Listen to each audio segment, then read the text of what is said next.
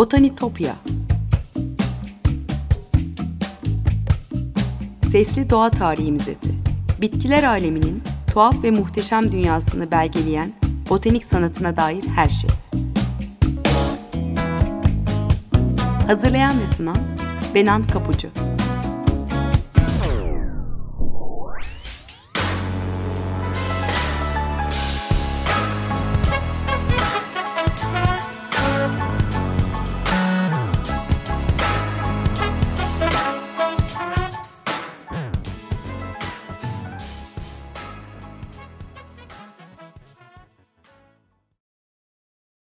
Sevgili dinleyiciler merhaba, iyi pazarlar. E, Botanitopya'dasınız. Bitkiler aleminin tuhaf ve muhteşem dünyasına hoş geldiniz. Ben Benan Kapucu. E, botanitopya.gmail.com e-mail adresimi ve aynı adlı Twitter ve Instagram hesaplarımı her programın başında olduğu gibi yine hatırlatayım. E, buradan takipte kalırsanız çok mutlu olurum. E, e, son zamanlarda bilim dünyasında bitki zekası üzerine, bitkilerin çevrelerindeki değişimi algıladıklarına, kendi aralarında gizli bir iletişim dili olduğuna dair artan bir fikir birliği var. Bu alanda çok araştırmalar var. E, bitki zekası ve ağaçların gizli yaşamı gibi bu alanda gerçekten ezber bozan iki kitabı e, programlarımdan birinde ben de anlatmıştım. E, bugün bitkiler dünyasına dair bize yeni perspektifler sunan bir başka kitaptan söz etmek istiyorum. Daniel Chemowitz'in yazdığı e, Metis yayınlarının bilim serisinden Gürol Koca'nın çevirisiyle yayınlanan Bitkilerin Bildikleri kitabı. E, bitkilerin bildikleri dünyaya bitkilerin gözünden bakmak diye e, geçiyor. Orijinal adı What a Plant Knows. E, dünyanın çeşitli ülkelerindeki üniversitelerde konferanslar veren e, bitkiler ve meyve sineklerle ilgili araştırmaları önde gelen bilim dergide yayınlanan İsrail asıllı Amerikalı bir biyolog Daniel Chemowitz. E, bitki ve insan duyuları arasındaki benzerlikler konusunu e, 90'larda Yale Üniversitesi'nde genç bir öğretim görevlisiyken e, ilgi duymaya başlamış. Bitkilerin gelişimlerini düzenlemek için ışıktan nasıl yararlandıklarını araştırırken bitkinin aydınlık ortamda mı yoksa karanlık bir ortamda mı olduğunu belirlemesinde gerekli olan kendine özgü bir gen grubu keşfetmiş. Ve bu gen grubunun da insan DNA'sının bir parçası olduğunu da fark etmesiyle bitkilere özgü görünen bu genlerin insanlarda ne işe yaradığı sorusunu gündeme getirmiş. Bitkilerle hayvanlar arasındaki genetik farklılığın sandığımız kadar e, belirgin olmadığını e, gören Chemowitz, e, bitki biyolojisiyle insan biyolojisi arasındaki benzerlikleri sorgulamaya başlamış. Onun tabiriyle küçük korku dükkanı filmindeki gibi beni besle diyen bir bitki olmasa da epey şey bilen e, birçok bitki olduğunu keşfetmiş. E tabi burada yazar bilme sözcüğünü yaygın kullanan anlamının dışında kullanıyor. Bitkilerin merkezi sinir sistemleri yoktur diye açıklıyor ve devam ediyor. Bir bitkinin bir bilgiyi bedeninin geneline yönlendiren bir beyni yoktur. Yine de bir bitkinin farklı bölümleri birbirine sıkı sıkıya bağlıdır ve ışık, havadaki kimyasallar ve sıcaklık değerleriyle ilgili bilgiler kök ile yapraklar ve çiçek ile gövde arasında sürekli dolaşarak bitkinin çevresine en iyi şekilde uyum göstermesini sağlar. İnsan davranışını bitkilerin kendi dünyalarındaki işlevsel hareketlerle kıyaslayamayız diyor. Bitkilerin dünyayı nasıl deneyimlediklerini inceleyen Çemavitz kitabında bitkilerin gerçekten de duyuları olduğu iddiasını ortaya koyuyor. E, Charles Darwin ve çağdaşlarından günümüz bilim insanlarına kadar birçok yaratıcı zihnin tasarladığı deneyler ışığında bitkilerin görme, dokunma, duyma, iç algı ve bellek aracılığıyla neleri bildiklerini anlatıyor.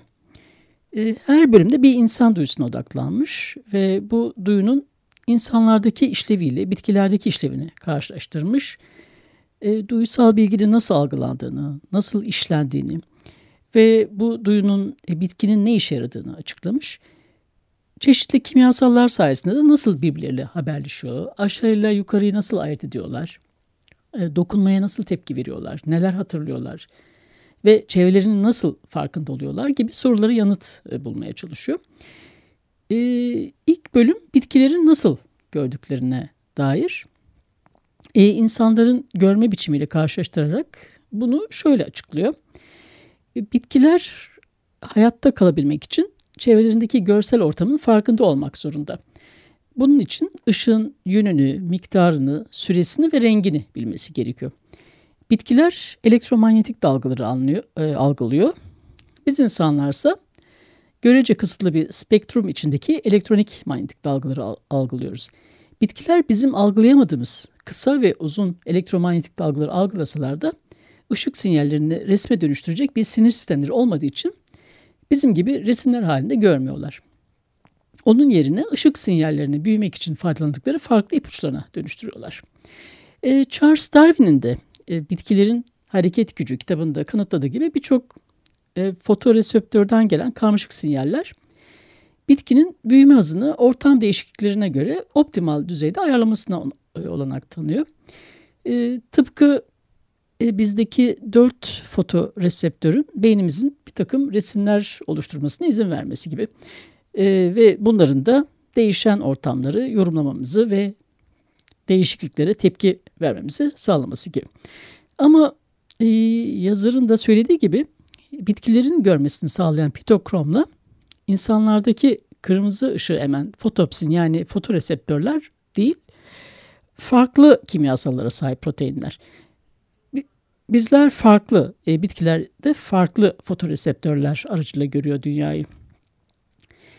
E, bitkinin iç saatini yöneten ve kriptokrom denen mavi ışık reseptörlerinden de bahsediliyor. Bu da ilginç. Hayvanlarda olduğu gibi bitkilerde de e, gece gündüz döngüsüyle uyum içinde çalışan bir sirkadyen saat yani iç saat varmış. Biz insanlarda bu iç saat hayatımızın her bölümünü yönetiyor. Yani acıktığımızı, tuvalete gitmemiz gerektiğini, yorgun olduğumuzu, kendimize enerjik hissettiğimizi söylüyor. Ee, hiç güneş ışığı olmayan kapalı bir odada da olsak 24 saatlik döngüler halinde devam eden bir iç saat bu. Yani uçakla dünyanın diğer ucuna seyahat ettiğimizde yaşadığımız o jet lag olayı aslında sirkadyen saatimizin e, gece gündüz döngüsüyle senkronizasyonun bozulmasıyla ilgili.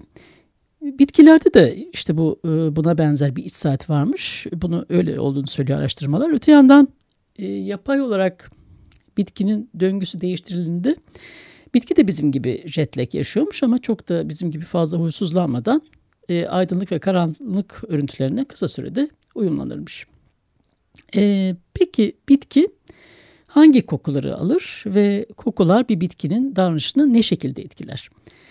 Koklama yeteneğini sözlük anlamının ötesinde uyaranlar aracılığıyla kokuyu algılama yeteneği olarak tarif edersek, bitkilerin sadece tedavi edici kokular yayan canlılar değil, koklayabilen canlılar olduğunu da söylüyor.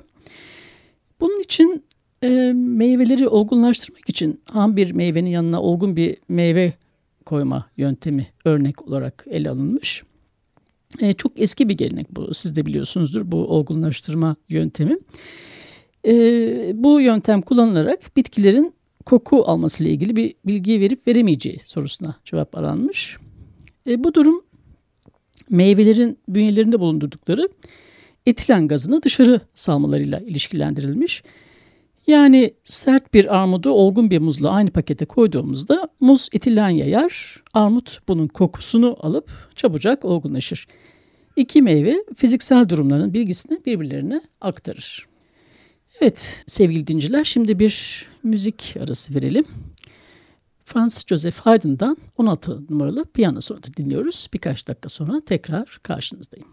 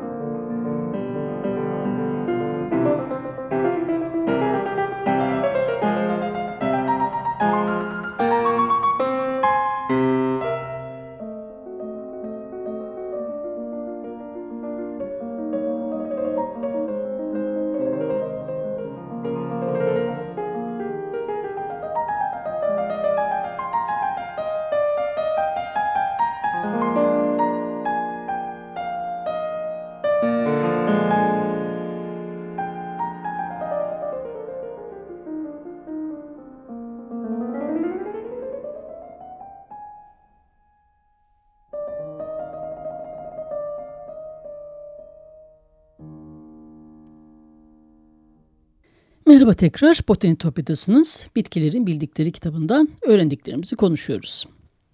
Ee, koku konusuna gelmiştik. Bitkilerin kokuyu algılayabilen, algılayabildiklerini açıklayan küsküt bitkisiyle yapılmış ilginç bir deney var kitapta. Küsküt yani Cuscuta pentagona alışık olduğumuz bitkilerden değil. E, yapraksız e, ve klorofile sahip olmadığı için yeşil renkte de değil. Küsküt fotosentez yapamadığı yani ışıktan kendi yiyeceğini üretemediği için hayatını asalak olarak sürdüren bir bitki. E, konakçı bir bitkiye e, sarılıyor ve o bitkinin damar sistemine bağlanarak besinini emiyor. E, bağ olarak da biliniyor çünkü kendisi yaşarken sarıldığı bitkiyi de soldurabiliyor. E, yeni bir küsküt sürgünü büyürken sürgünün ucunu sanki biz e, karanlıkta el yordamıyla yönümüzü bulmaya çalışırken yaptığımız gibi e, küçük daireler halinde hareket ettiriyor ve domatesin bir yaprağını bulana kadar ona eğilip büyüyor. Sonra gövdesine sarılıyor ve domatesin şekersi özünü taşıyan damarlarına mikroskopik dokunmaçlarını uzatıyor ve kendine şeker hortumluyor. E, küsküt serpilip büyürken domates ise soldukça soluyor. E, böcek bilimci Cozuela de Moraes bu davranışı filme bile almış. E, küskütün boş saksılara veya yapma bitkilerin olduğu saksılara doğru asla büyümediğini, nereye yerleştirirse yerleştirirsin istikrarlı biçimde domatese doğru büyüdüğünü kanıtlamış. Bunun üzerine küskütün domatesin kokusunu aldığı hipotezini ortaya koymuş. E, bu bitkiyle e, ilgili epey ilginç olan şey ise e, diğer sevdiği bitki olan buğday ve domates arasında tercih yapmak zorunda kaldığında domatesi seçmesi. Yani küsküt hayatta kalmak ve besin bulmak için kokulardan yararlanırken iki bitki arasında bir diğerini de seçebiliyor. E, Washington Üniversitesi'nden David Rose ve Gordon Orions'ın araştırması da bir diğer ilginç örnek. Araştırmacılar e, tırtılların daha önce çadır tırtılları tarafından zarar gören söğüt ağaçlarına komşu olan söğüt ağaçlarının yapraklarını pek talan etmediklerini fark etmişler. Rose e, tırtıl istilasına karşı dirençli ağaçların yapraklarında olan fenollü ve tanenli kimyasalların bu yaprakları, bu böcekler için sindirilmesi zor haline getirdiğini keşfetmiş. E, Rose tırtıl istilasına uğramış e, zarar gören ağaçların sağlıklı komşularına dikkat et kendini koru mesajı ilettiğini söylüyor. Bitkilerin koku yoluyla birbiriyle iletişim kurduğu iddiası e, arpa, adaçayı çalısı, kızılaç gibi çok sayıda bitki içinde doğrulanmış son yıllarda. E, o halde bitkiler e, koku sinirleri olmadan kendilerine özgü biçimlerde koku alabiliyorlarsa kendilerine dokunulduğunda bunu duyu sinirleri olmadığı halde hissedebilirler mi diye soruyor ayrıca yazar. İnsandaki dokunma duyusu vücudun iki farklı bölümünde meydana gelen eylemlerin bir kombinasyonu. Peki bitkilerde ne oluyor? Onlarda nasıl bir mekanizma çalışıyor? Onun yanıtını aramaya çalışıyor. Ee, dokunmaya tepki veren bitkilerin tipik bir örneği olan Venüs sinek kapanın avlanma yeteneği örneklenerek bu sorunun, yanıtı aranmış. Ee, bu alanda ayrıntılı bir makale yayınlanan ilk bilim insanı ee, Charles Darwin'in araştırması bu örneklerden biri. Darwin kapanın kapanılmasına kadar ki bir dizi olayı ve hayvansal proteinin bitkiye sağladığı besin avantajını ayrıntısıyla tarif etmesine rağmen e, bitkinin yağmurla sineği birbirinden ayıran ve sineğin sıkışmasını sağlayan o sinyal mekanizmasını çözmeyi başaramamış.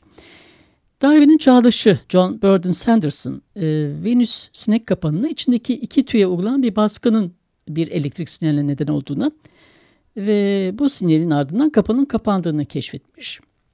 Yani elektrik aktivitenin bitki gelişimini düzenlediğine dair ilk kanıttır bu. Darwin ve Sanderson döneminde bu sadece bir varsayımken bugün e, kapanın kapanmasını sağlayan elektrik uyarımı olduğunu kanıtlayan ve özellikle küstüm otuyla yapılan bazı deneylerden de söz ediliyor. E, küstüm otunun yapraklarına dokunulduğunda bu dokunuşun bir aksiyon potansiyeli başlattığını ve bunun yaprakçıların sırayla teker teker kapanmasına yol açtığı gibi sonuçlara varılmış. Durağan, köklü organizmalar olan bitkiler geri çekilmeseler veya kaçamasalar da metabolizmalarını farklı ortamlara uyum sağlayacak şekilde değiştirebiliyorlar. E, bitki ve hayvanların organizma düzeyinde dokunma ve diğer fiziksel uyaranlara karşı tepkileri de farklı olmasına rağmen hücresel düzeyde oluşturdukları sinyalin şaşırtıcı derecede benzer olduğunu da söylüyor. Bir bitki hücresinin mekanik uyarımı tıpkı bir sinirin mekanik uyarımı gibi e, hücrenin iyon koşullarında değişikliğe neden oluyor ve bunun sonucunda da bir elektrik sinyali ortaya çıkıyor ve hücreden hücreye ilerliyor. E, bitkiler tenimizdekine benzer e, mekanoreseptörler sayesinde dokunma hissedebildiklerine göre acaba kulaklarımızdakine benzer mekanoreseptörler sayesinde de duyuyor olabilirler mi e, diye soruyor e, daha sonra. Yani bitkiler ormanın gürültüsüne karşı sağır mıdır yoksa onların tepkilerine karşı biz mi körüz diyor. E, ses tepkileri konusunda yapılmış e, güvenilir yani ikna edici araştırmaların sayısında çok az olduğunu söylüyor.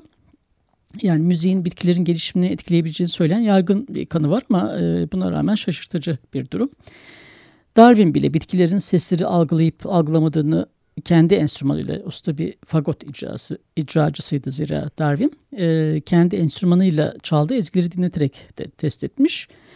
Tabii bu girişimleri başarısızlıkla sonuçlanmış. E, o günden bugüne yapılan bitkilerin duyduğunu kanıtlayan e, yapılan çalışmalarda bitkilerin duyduğunu kanıtlayan bulgular olmaktan çok uzak.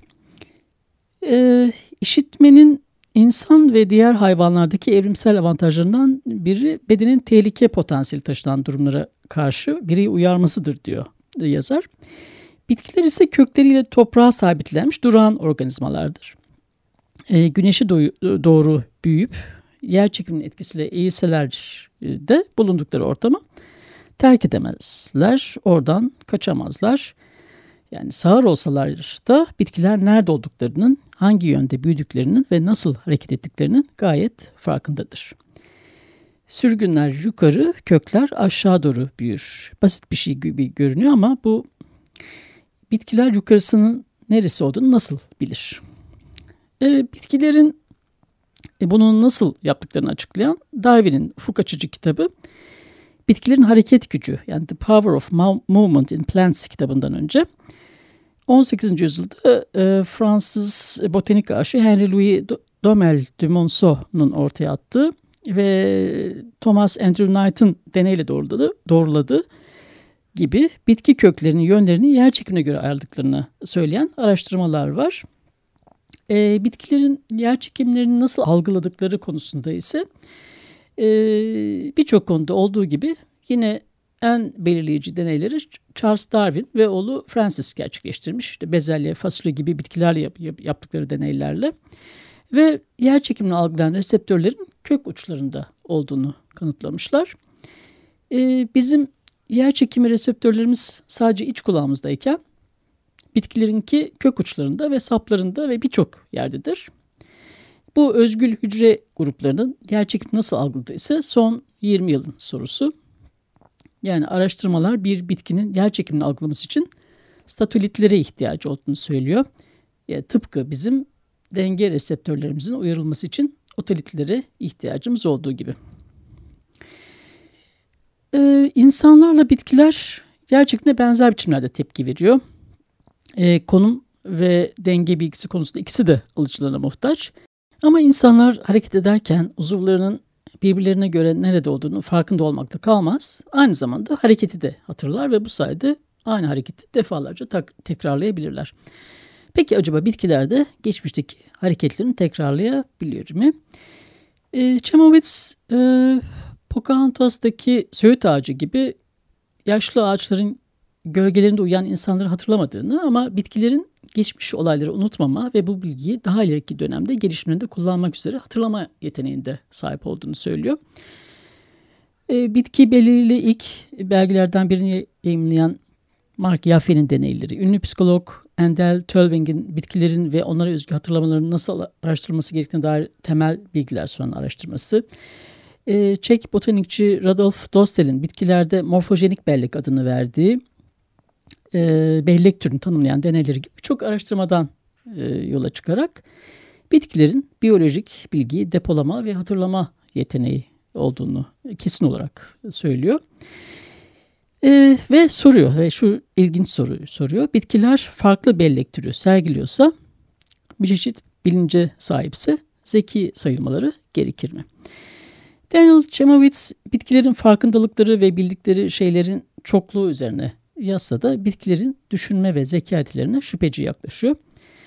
Ona göre bitkilerin beyni olmadığından e, acı çekmeleri ve bizimle iki yönlü bir iletişim içine girmeleri mümkün değil. Bu yüzden de bitkileri zeka yetisi atfet, atfetmeye çalışmak antropomorfik bir abartı olmaya mahkum diyor.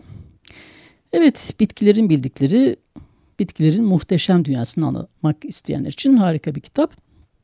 E, bu kitap sayesinde edindiğiniz bilgiler dünyadaki diğer canlılarla olan ilişkimizi sorgulamamıza ve insan merkezci bakış açısını gözden geçirmemizi sağlayabilir. E, bundan sonra parkta yürüyüşe çıktığınızda durup kendinize sorun diyor yazar. Çimenlerin arasında kara hindiba ne görüyor? Otlar hangi kokuları alıyor? Meşenin yapraklarına dokunun. İleride ona dokunulduğunu hatırlayacağını bilerek. Ama sizi hatırlamayacaktır. Sizse o ağacı hatırlayacak ve anısını her daim hafızanızda yaşatacaksınız. Evet sevgili dinleyiciler, Botanitopya'daki keşif yolculuğumuz bu hafta da buraya kadar. Haftaya tekrar görüşmek üzere. Sevgiyle ve doğayla kalın.